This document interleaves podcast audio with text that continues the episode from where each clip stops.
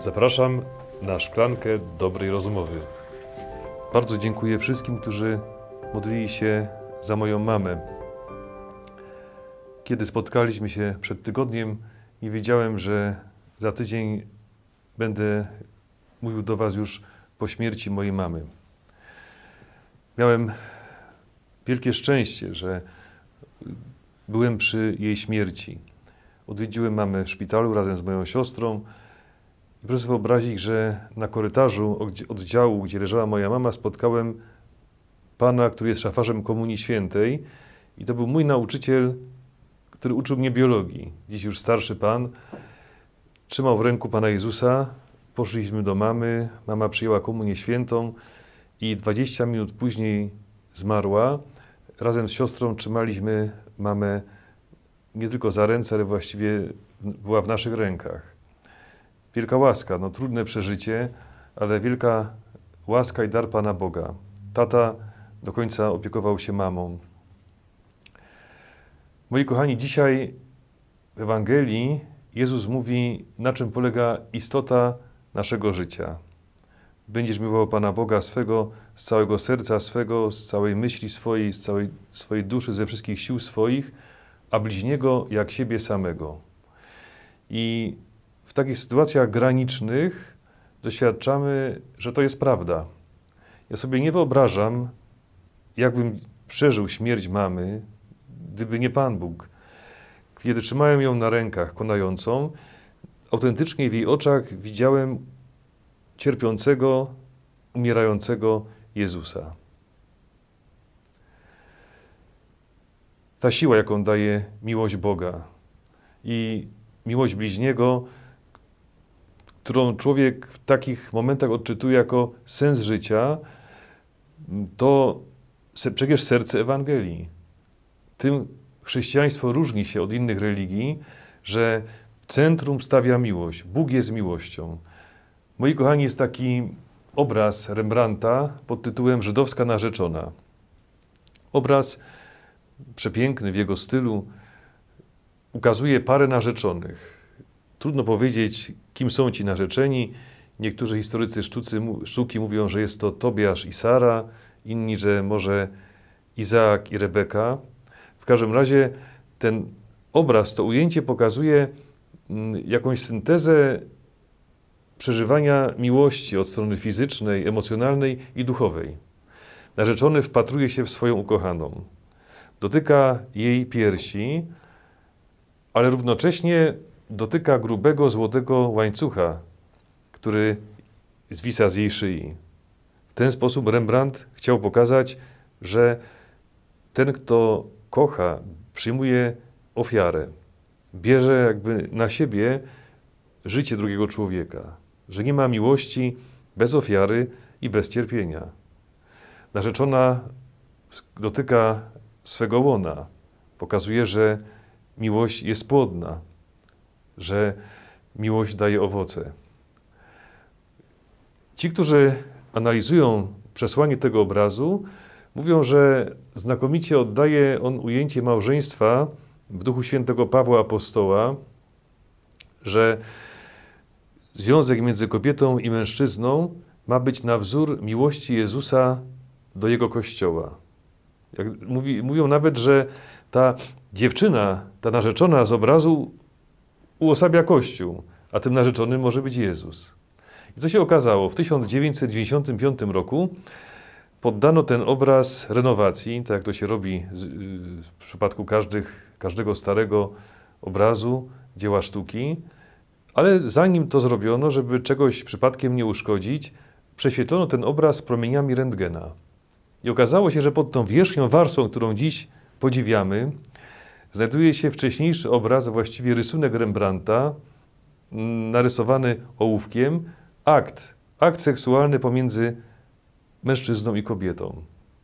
I co się okazało? Rembrandt powrócił do swojego dawnego obrazu. Ten obraz, namalowany w młodości, ukazywał seksualną, fizyczną sferę miłości. Rembrandt po licznych przeżyciach, po doświadczeniu życia, jeszcze raz powrócił do starej swojej pracy I na tym rysunku namalował ten obraz, który pokazuje pełnię miłości.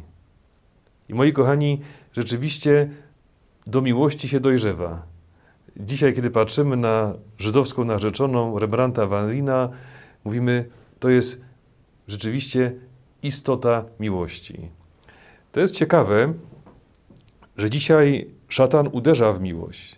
I to tylko potwierdza, jak wielką miłość jest wartością. Zauważmy, że diabeł w dzisiejszym świecie za pośrednictwem tych ludzi, których zwodzi, uderza najpierw świętość życia, tam gdzie ono jest najbardziej kruche, na początku i przy końcu, ale uderza też w miłość. I chce to, co Rembrandt w tym obrazie żydowska narzeczona pokazał w sposób syntetyczny, że miłość to i dotyk, i doznanie fizyczne, ale to również emocje, a przede wszystkim duch. Spełnia miłości. W miłości małżeńskiej to wszystko jest wpisane w tę miłość małżeńską.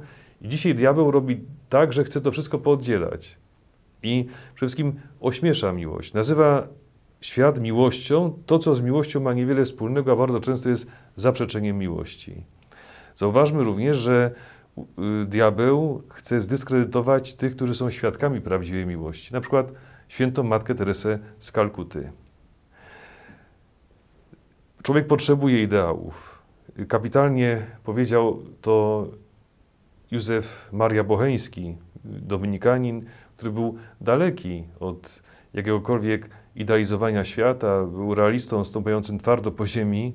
Wiemy, że również był pilotem, znakomitym lotnikiem do końca życia już jako staruszek siadał za sterami samolotu. I ten człowiek y, tak mądry mówi: Jestem przeciwko odbrązawianiu postaci, bo człowiek potrzebuje ideałów.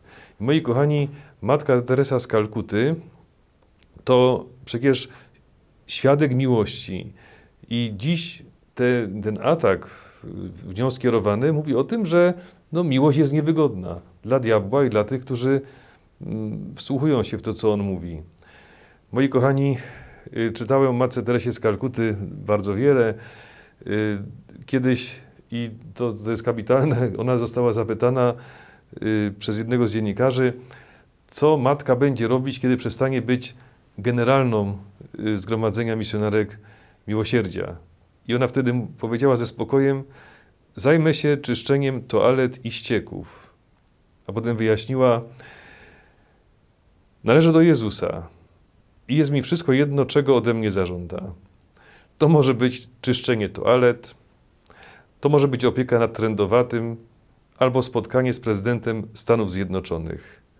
Jestem tym, kim on chce, żebym była, chcę robić to, co on chce, żebym robiła i należę tylko do niego. Moi kochani, to świadectwo przemawiało nie tylko do chrześcijan. Znalazłem czasopismo z 1960 roku, kiedy matka Teresa z Kalkuty nie była znana i tam redaktor Jerzy Turowicz, y, autentycznie to przeczytałem w czytelni, y, w oryginalnym wydaniu z 60 roku, pisze tak. W Kalkucie żyje pewna siostra, ma na imię Teresa.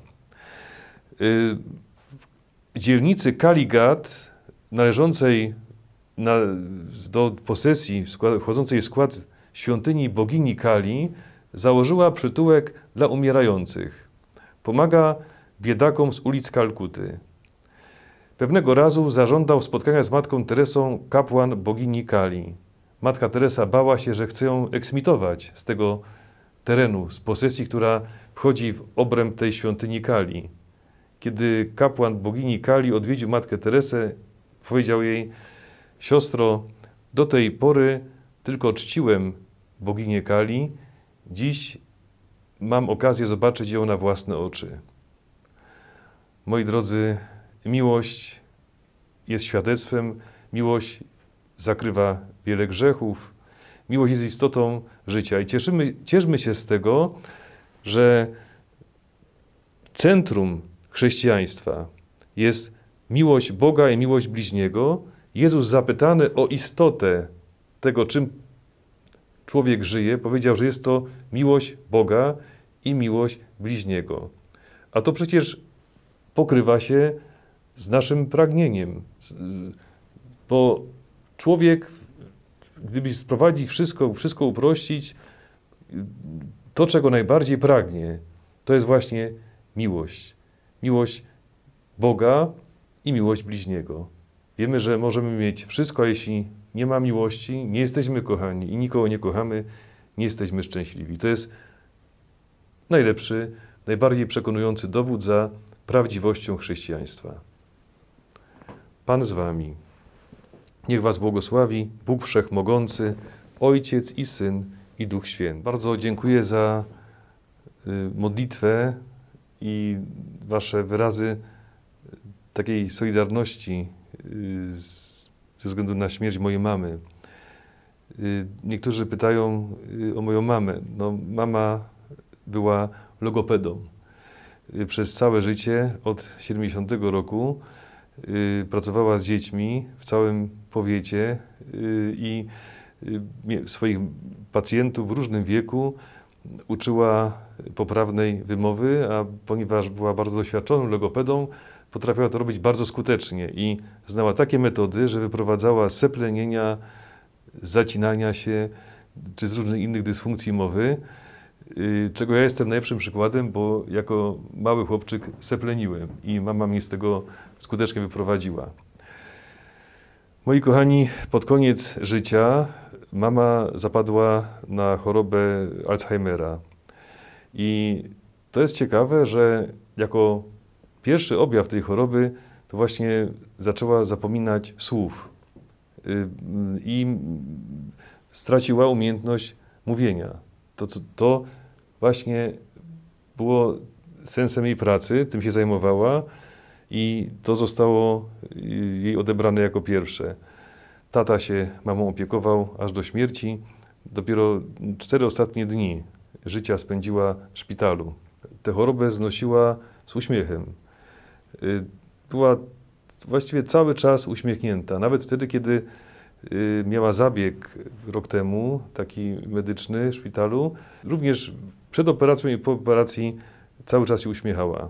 Tata troszczył się o to, żeby nie tylko była w dobrych warunkach, żeby ładnie wyglądała, zapewniał jej także fryzjera, żeby y, miała zawsze ładne włosy, ale siłą w tym cierpieniu, w tej chorobie była przede wszystkim modlitwa. Codziennie rano oglądali mszę świętą z Jasnej Góry od czasów pandemii. I dlatego jestem wdzięczny Panu Bogu, że kazanie na pogrzebie zgodził się y, powiedzieć ich ukochany kaznodzieja, ojciec Marcin Ciechanowski, którego szczególnie polubili, y, słysząc go właśnie za pośrednictwem telewizji, y, kiedy mówił kazania z Jasnej Góry. Y, I koronka do Bożego Miłosierdzia o 15. Również dzięki telewizji łączyli się z łagiewnikami. Kiedy mama już nie potrafiła odmawiać koronki, tata wkładał jej do ręki różaniec i razem się modlili. I tata mówi, że w oczach mamy widział tego Jezusa z obrazu Złagiewnik. To, to spojrzenie Jezusa jakby odczytywał w twarzy swojej żony. Cieszymy się razem z moją siostrą, z jej rodziną, z, z mężem, siostry, z dziećmi, że y, mamy taki przykład rodziców, którzy do końca byli razem i no, byli no, no, parą, która spotkała się w liceum. Y, chodzili do jednej klasy i 54 lata wytrwali w małżeństwie, którą zakończyła śmierć mamy. I no, polecam mamę także waszym modlitwom, a także mojego tatę, żeby to, co teraz Pan Bóg wpisał w jego życie, żeby to dzielnie przyjął, a ufam, że tak będzie. jeszcze raz dziękuję za wsparcie, i dobre słowo, przede wszystkim za modlitwę.